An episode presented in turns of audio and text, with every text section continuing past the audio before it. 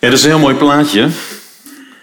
En eh, we zijn laatst even eh, weg geweest, Marieke en ik samen. En toen kwamen we dit tegen en ik kon het toch niet nalaten om eventjes eh, de, de camera te pakken. En ik weet niet of hij het gaat doen. Ja.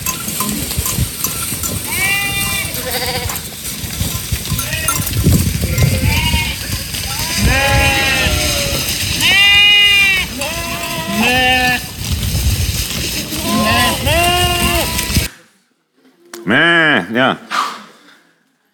Dit is op de Lemelenberg. En eh, daar stonden we met ons fietsje. En die, die herder die staat iets verderop. Die staat daar met eh, twee honden. En af en toe dan lopen die honden weer zijn rondje. Maar eh, over het algemeen gebeurt er niet zo heel veel. En dit is een beetje het eind van de middag. Dus die schapen die weten eigenlijk al... Het is etenstijd. Het is tijd om terug te gaan naar de stal. Dus dat gaan zij ook doen. En eh, ik vroeg het even aan die herder en, zij zegt van, eh, ja, op zich weten ze precies waar ze heen moeten. Dus, eh, en dat is dus bekend terrein. En we gaan weer naar die stal toe. En terwijl ik daar zo over nadacht, inderdaad, ja, dan sta je daar een beetje schaapachtig te kijken naar zo'n kudde schapen. En dan is het inderdaad van, de, de, de Bijbel spreekt zo vaak over schapen, over een kudde, over een herder. En dat komt zo vaak terug in de Bijbel. En ja, ik dacht, nou weet je, misschien is dat wel goed om daar deze ochtend even bij stil te staan. En eh, met name Johannes 10, waar eh, de Bijbel spreekt over de goede herder. En eigenlijk staat daar op een gegeven moment een vers. En ze zullen ingaan en uitgaan en weide vinden. Ja, dat is de NBG, hè, want dat is, daar stam ik nog een beetje uit. Maar in ieder geval, en ik vind dat heel mooi. En ik dacht, eigenlijk is dat wel mooi. We hebben zometeen twee zondagen niks. Eh, gewoon, als je op vakantie gaat, misschien is dit wel mooi om mee te nemen. Een beetje dat beeld van dat ingaan en uitgaan. En natuurlijk, als we denken over eh, een herder, dan denken we natuurlijk ook meteen aan Psalm 23 over de goede herder. Nou, gaan we vanochtend ook doen. Maar eh, in het Oude Testament, sowieso in het Oude Testament, is eh, herder is sowieso een heel erg symbool voor, voor een leider, voor koningen, voor zij die leiding geven. En eh, het mooie is inderdaad, en dat gaan we zo meteen lezen. En nou heb ik er een beetje een rommeltje van gemaakt met de teksten. Maar in ieder geval, eh, dit staat hier. Dit is Johannes 10 vanaf vers 9. Dat ben ik dan weer vergeten om erbij te zetten. Maar het is vanaf vers 9 en dat staat er echt. En er staat, voorwaar, voorwaar, ik zeg u, wie niet door de deur de schaapskooi binnenkomt, maar op een andere plaats inklimt, die is een dief en een rover. Maar wie door de deur binnenkomt, is de herder der schapen. En voor hem doet de deurwachter open. En de schapen horen naar zijn stem en hij roept zijn eigen schapen bij name en hij voert ze naar buiten. En wanneer hij zijn eigen schapen alle naar buiten gebracht heeft, gaat hij voor ze uit en de schapen die volgen hem omdat zij zijn stem kennen. Weet je, allemaal wel misschien een beetje gesneden koek, maar wel goed om weer even te lezen. En het interessante is, er staan toch wel weer wat aparte dingen in. En Jezus die herhaalde het dan nog een keer, dus blijkbaar was dit heel belangrijk. Hij zegt, voorwaar, voorwaar, ik zeg u, ik ben de deur der schapen. Allen die voor mij gekomen zijn, zijn dieven en rovers. Maar de schapen hebben naar hen niet gehoord. Ik ben de deur. En als iemand door mij binnenkomt, zal hij behouden worden. En hij zal ingaan en uitgaan en weide vinden. Nou is het altijd heel interessant dat eh, als wij nadenken over een schaap en weide vinden, uh, dat is helder. Hè? Een schaap die is in de bescherming van de stal en die gaat mee naar buiten en die loopt de hele dag te grazen. Uh, en dan hebben wij zo'n idee, kijk, zo'n Lemelerberg idee. Denk van, nou, dat is mooi, daar is een hoop groen, dat is prachtig. Dus wij denken aan dit. Ja? Ja, uh, waarom moeten we nou aan grazige weiden geleid worden? Uh, Zo'n grasveldje wil iedereen wel te eten hebben als schaap, lijkt mij. Uh, maar, en dit was vorig jaar toen wij zelf in Israël waren, dit is de realiteit. En als we dan lezen in Psalm 23, dan hebben we het ook over, hij zal ons leiden naar grazige weiden. Nou, waar ga je die grazige weiden in Israël vinden? Nou, dat is best een uitdaging. kan ik je vertellen. En uh, je zou kunnen denken, misschien zijn het steenetende schapen, maar dat is ook niet zo. Het is echt wel gras. Ja, waar? Ja, zeg het maar. Waar is dat gras? Nou ja, heel in de verte zie je daarachter wat. En nou is het zo dat landbouwgrond is natuurlijk heel kostbaar, ook in Israël. Dus dat wordt echt gebruikt voor landbouw. Dus die schapen die moeten, nou ja, een beetje de heuvels in. En, uh, en toch, en dat is het bijzonder eigenlijk, midden in die woestijnen. We hebben het ook gezien toen we daar op een gegeven moment waren. Er was een buitje geweest. En dan rij je op een gegeven moment Jeruzalem uit. En dan zie je ineens die heuvels. En dan zie je ze een heel klein beetje. een groene gloed zie je erover. Terwijl je eigenlijk op daar al in de woestijn zit. En dat is zo bijzonder. Dat daar zit zoveel in de grond. En er is maar een klein beetje vocht bij nodig. En wat er gebeurt, in, ook in die woestijn. En ik weet zelfs, in, Chili kent ook veel, een heel grote woestijn. Een van de grootste en droogste woestijnen ook ter wereld. Wat er gebeurt, is dat je hebt eigenlijk drie dingen. Je hebt regen, dat is het meest logische. Maar je hebt ook hele vochtige lucht die soms aankomt. En ik weet, in het zuiden van Chili hebben ze op een gegeven moment allerlei netten gespannen omdat die vochtige lucht die eigenlijk van zee kwam, om die als het ware een beetje tegen te houden. En dan, dan condenseerde dat als het ware op dat net en dan vingen ze dat op. Dat was dan het water.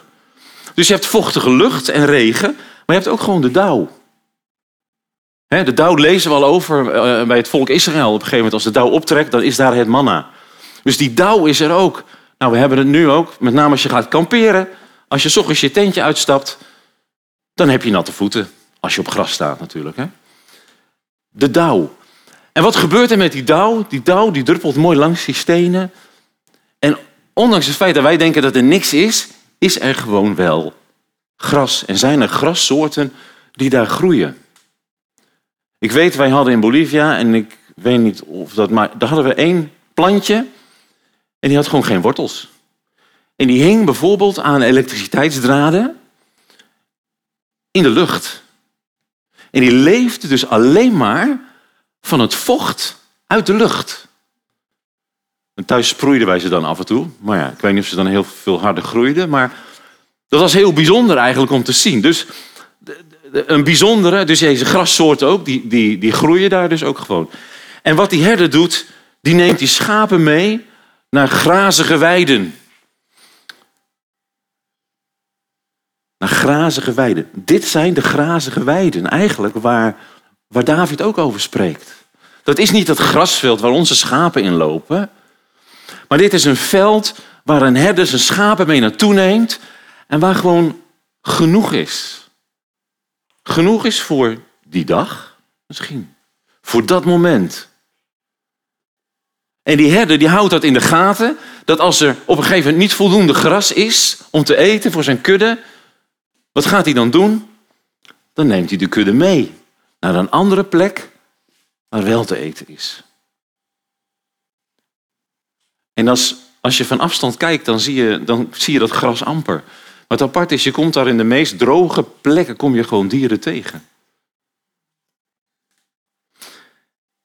Nou is het ook zo dat Jezus spreekt hier, en dat is eigenlijk een, ja, als die herders onderweg zijn, dan is het ook heel vaak zo dat als je ergens bent, en we weten dat ook uit de tijd van Jozef, dat die broers van Jozef, die gaan op een gegeven moment ook weg. Maar om die beesten te beschermen, wordt er op een gegeven moment een soort, ja, in het Spaans heet het een koral, een, een, een, een omheining gemaakt met een deur. Nou, dat is niet echt een deur hier, dat is gewoon een opening. En die schapen die komen naar binnen en die kunnen daar schuilen. En die zijn daar veilig. En als de dag weer aanbreekt, dan kan die herder die kan zijn schapen weer mee naar buiten nemen, naar een nieuw veld toe, als het ware. Nou, dat kan op deze manier. Hier hebben we er nog eentje. Je kan het ook met takken doen. Dus die herder die creëert een, een, een veilige plek waar ze veilig zijn. Dan kun je wel zien, inderdaad, hier ook, dat je ook, uh, hè, waar, waar de Bijbel spreekt over rovers en dieven, ja, die kunnen er natuurlijk redelijk makkelijk inkomen. Die kunnen er gewoon overheen. Maar dat is niet de herder. De herder gaat gewoon door de deur. En wat het bijzondere is, wij hebben natuurlijk vaak, we lopen achter de schapen aan. Maar inderdaad, daar is het gewoon de herder die gaat. En dat is ook wat de Bijbel hier zegt. Dat de herder die gaat, uh, die gaat eruit en die, die, die, die schapen die gaan achter hem aan. De schapen horen naar zijn stem. Hij roept zijn eigen schapen bij name en hij voert ze naar buiten. Die schapen die herkennen zijn stem. En wat nou heel interessant is inderdaad, dat als je dit zo leest, dan denk je van dat is gewoon één kudde en dat is één schaapskooi. Maar als we hier in Johannes 10 lezen, dan staat er, voor hem doet de deurwachter open. Dat is niet de herder. Er is blijkbaar nog een deur. Dus blijkbaar is dit een wat grotere ja, schaapskooi, zo gezegd. En men zegt ook wel dat daar waren ook meerdere kuddes in die, in die schaapskooi. Niet één kudde. Want, dat zegt Johannes hier ook, en de schapen die horen naar zijn stem en hij roept zijn eigen schapen. Dus blijkbaar is het zo dat die kuddes, die luisteren en die herkennen de stem van die ene herder. En er waren dus meerdere herders die daar in die schaapskooi kwamen en die dus een kudde hadden. En die werd daar blijkbaar s'nachts dan bewaard, of die, die, hè, die, die overnachtte daar. En dan kwam de herder vervolgens zijn eigen kudde weer halen. En dat is mooi, hè? want het loopt dus gewoon ook door elkaar. En Jezus, of Johannes zegt hij dus inderdaad dat Jezus die roept dan zijn eigen kudde. En die herkennen zijn stem. Die herkennen zijn stem. Alleen maar zijn stem. En ik hoorde inderdaad het voorbeeld van iemand noemen, die was meegeweest met een schaapsherder in het Midden-Oosten. En die gingen met nou echt duizenden schapen op pad. En het wonderlijke is, al die schapen lopen op een gegeven moment door elkaar. Er waren er drie of vier herders.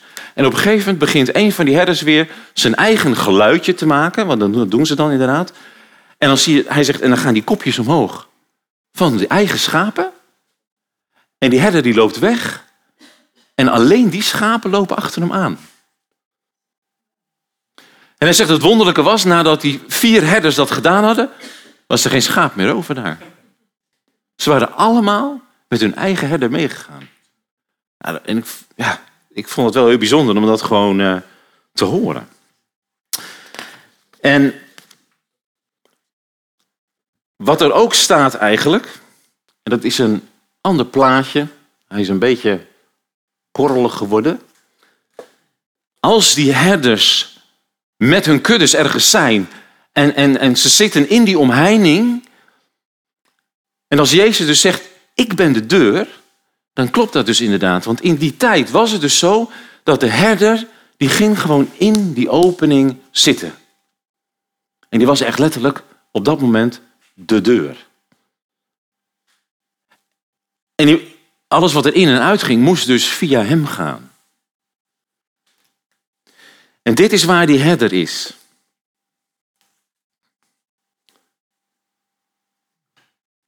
Op wacht. En die zorgt voor zijn kudde. En dat is niet alleen maar dat ze veilig zijn, dat doen ze het ook. Hè. We kennen de stok en de staf. Die, uh, die horen daar ook gewoon bij. Maar uh, die herder zit daar om voor zijn schapen te zorgen. Het bijzondere trouwens is dat dit stuk in Johannes 10 wordt natuurlijk voorafgegaan door Johannes 9. En het wonderlijke is eigenlijk dat dit gaat er eigenlijk over dat de herders, de leraren, de geestelijken toen, uh, hadden behoorlijk verzaakt eigenlijk om voor het volk te zorgen. En dan komt Jezus inderdaad met de goede herder. En hij verwijt ze ook van, ja, waren jullie maar blind? Ze, hebben, ze weten alles, maar ze weten het niet toe te passen.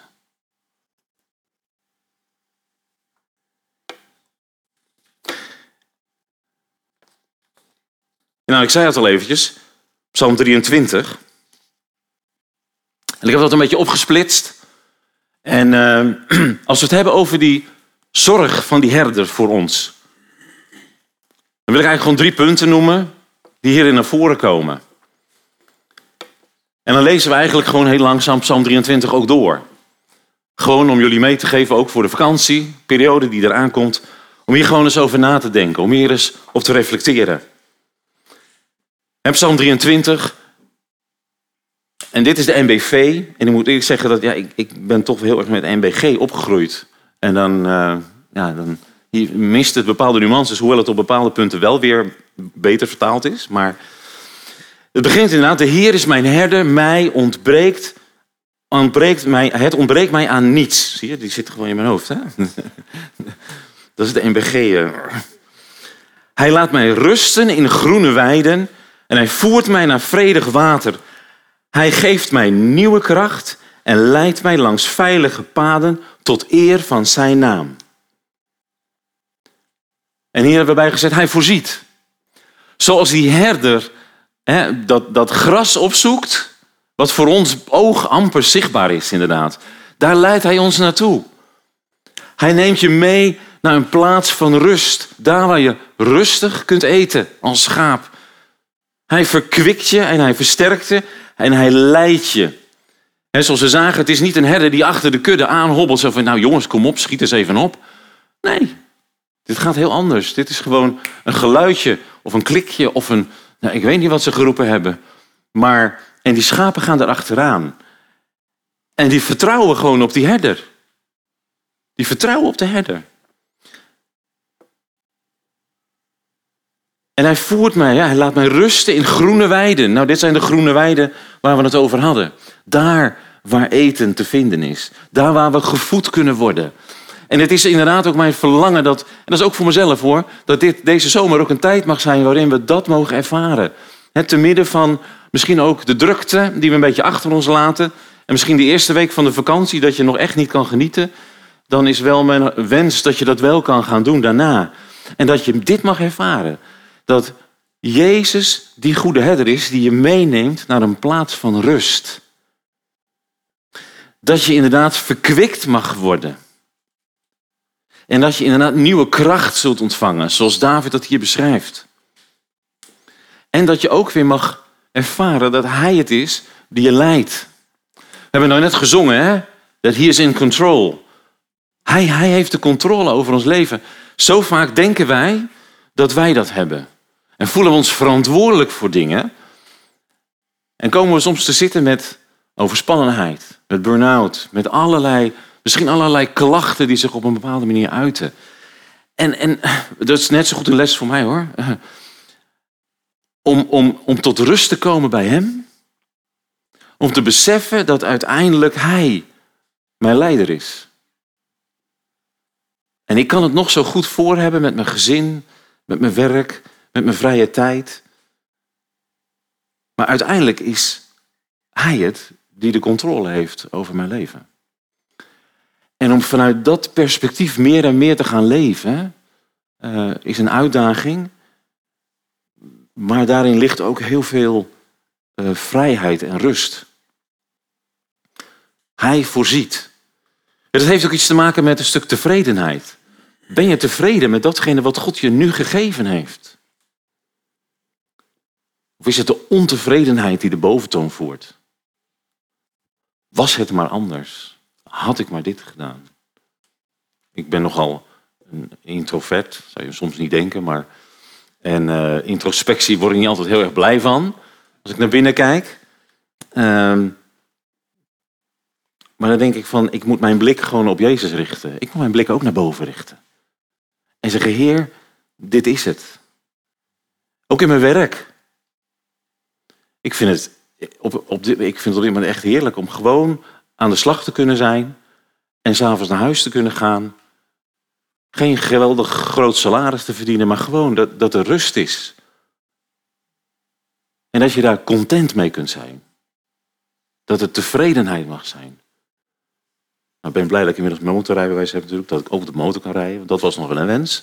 Maar houden toch altijd wel wat te wensen. Maar vanuit die rust. En dat we gewoon inderdaad mogen zeggen, Heer, dank u wel. Dank u wel dat wij een huis hebben waar we in wonen. Dank u wel dat we heerlijk op vakantie kunnen gaan.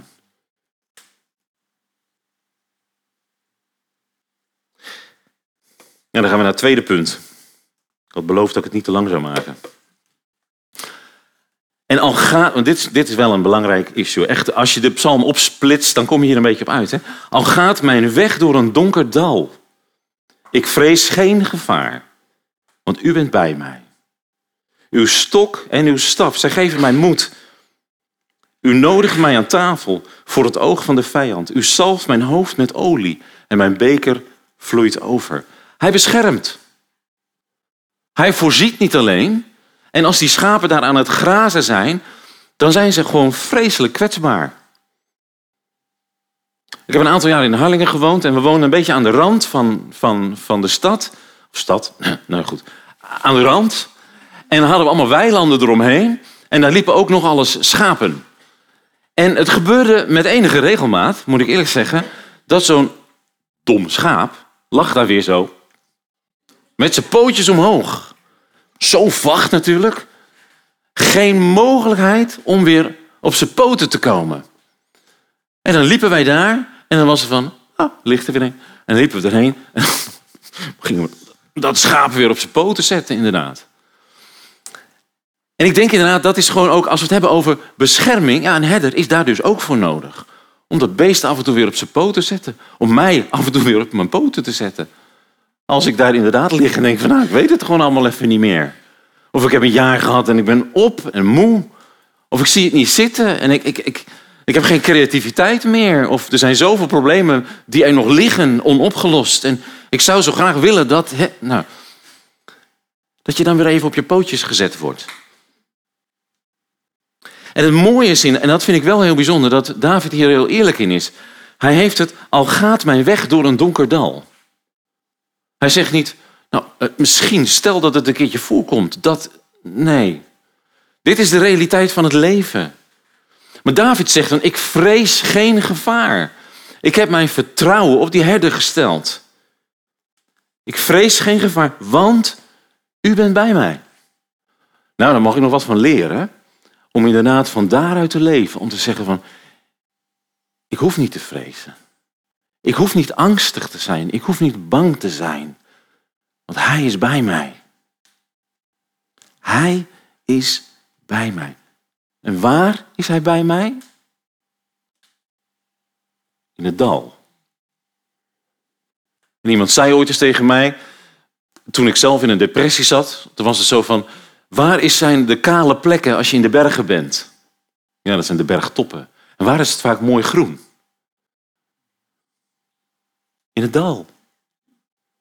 In het dal is waar je verfrist wordt, waar je verkwikt wordt, is daar waar het water heen loopt. En daar waar je verkwikt kunt worden. En, en, en, en David zegt dat hier ook. Uw stok en uw staf, dus zij geven mij moed. En een andere vertaling zegt, ze vertroosten mij. En dit is niet een, een stok om mee te slaan. Nee, dit is die staf van die herder waar hij op kan leunen.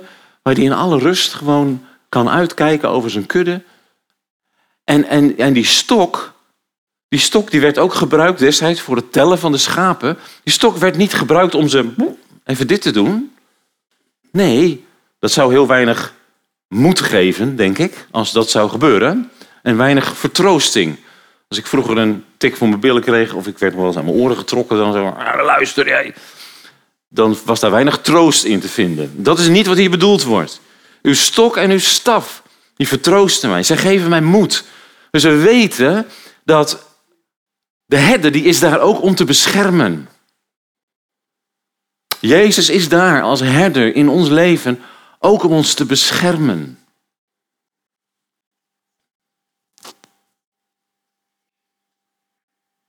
En die staf die staat ook voor de leiding. En we komen hem vaker in het Oude Testament af. De leiding van, van Jezus. En in de strijd, dat is eigenlijk wel het bijzondere. Hè? Midden in die strijd zegt hij, u nodigt mij aan tafel voor het oog van de vijand. Wanneer vieren wij een overwinning? Normaal gesproken? Ja, als, als, als je de overwinning behaald hebt. En wat staat hier? U nodigt mij aan tafel. We gaan lekker uh, dineren, zeg maar. Hè? En dan staat de vijand, die staat gewoon op afstand te kijken. Ja, dat is zo compleet anders. Om het maar even zacht uit te drukken. En blijkbaar heeft David dit ervaren. dat hij midden in die strijd,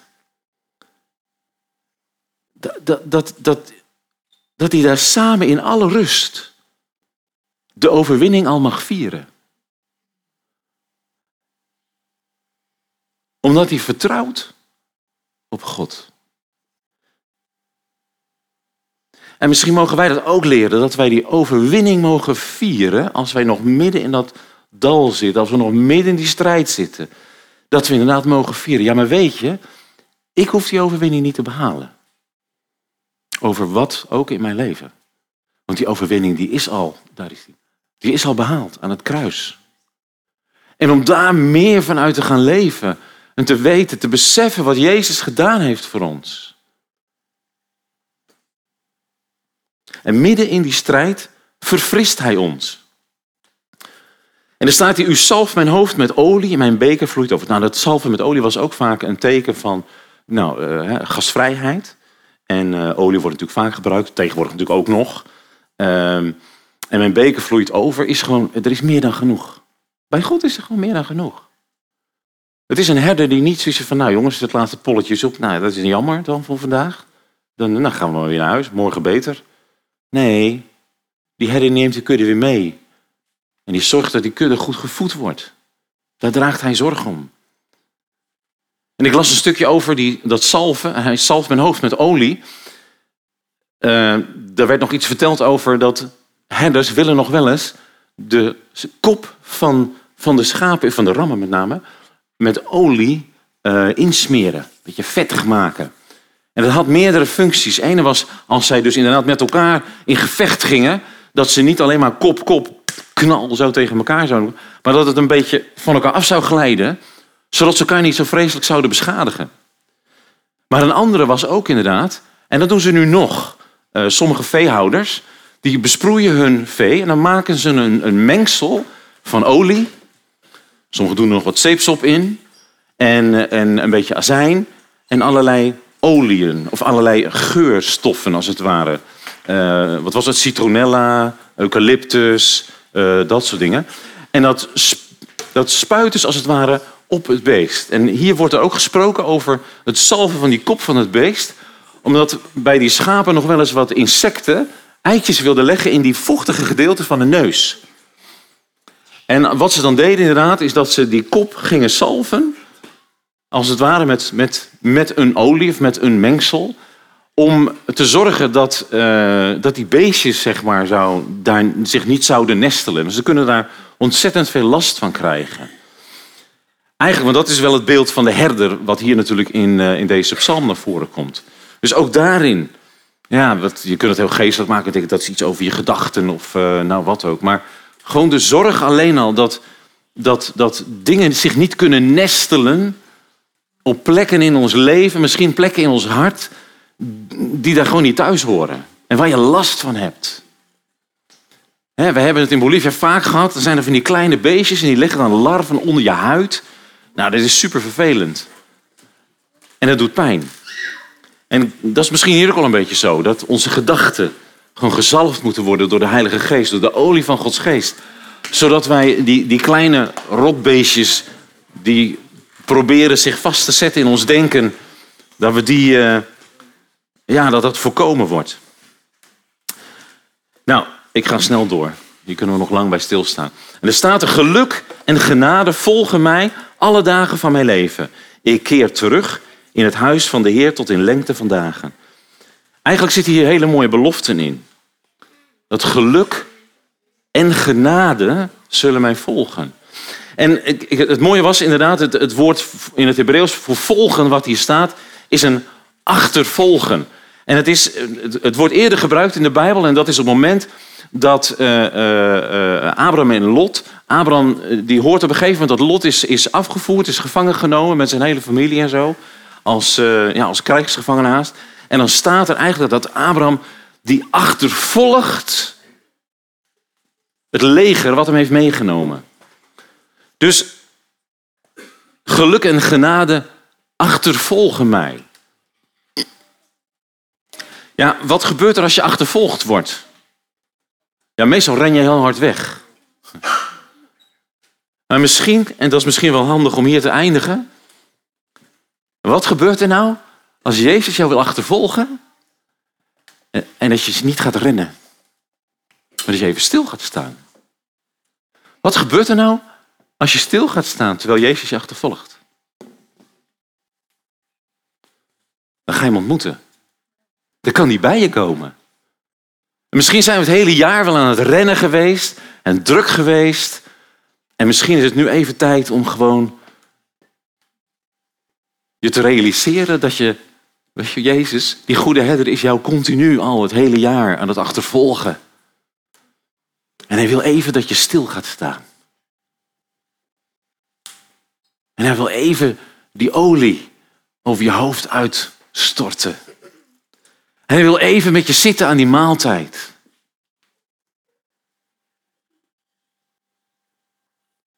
En dan zegt David, en ik keer terug naar het huis van de Heer. En hier zit zo'n mooie beweging als het ware in. We gaan in, in die bescherming van, van die schaapskooi. Daar waar die herder zit. Dan mag je weer welkom geheten worden. Je mag naar binnen. Maar je mag ook weer naar buiten. En de herder neemt je weer mee naar buiten. En misschien ook na de vakantie het jaren weer in met nieuwe dingen. als ik denk aan jullie inderdaad, uh, Tamer, gewoon de nieuwe dingen die ook voor jullie liggen. Weet je, dat de herder jullie weer meeneemt. Gewoon weer ook naar grazige weiden. En dat hij ook weer voorziet. En dat geldt voor ons allemaal. Ik denk aan Helene. Weet je, ingrijpende operatie. Maar ook weer iets nieuws. En een herder die inderdaad voor je uitgaat. En, en voor je zorgt. En die je inderdaad aan grazige weiden leidt. En daar waar wij geen gras zien, ziet de herder dat wel. Vergeet dat nooit. En die herder die zorgt dat we altijd genoeg hebben. En soms meer dan dat. En daar mogen we van genieten. Dus ik zou je willen aanmoedigen om af en toe even stil te staan. In deze zomer.